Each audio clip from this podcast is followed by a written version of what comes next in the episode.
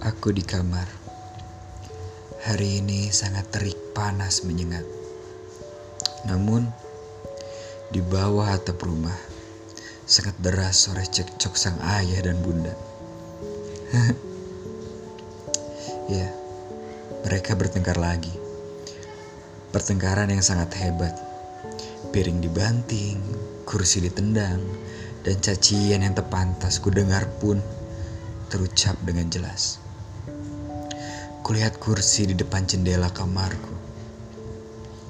Adikku di situ termenung, melihat nanar awan putih yang menari di langit biru. Aku paham betul apa yang ada di benaknya. Enaknya jadi awan. Mau ke mana aja bebas. Gak perlu mikirin uang, keluarga, temen, bisa sesukanya. Mungkin itu yang ia pikirkan. Kupandang lagi luar kamar. Di luar mulai gerimis. Namun di dalam pertengkaran malah memanas.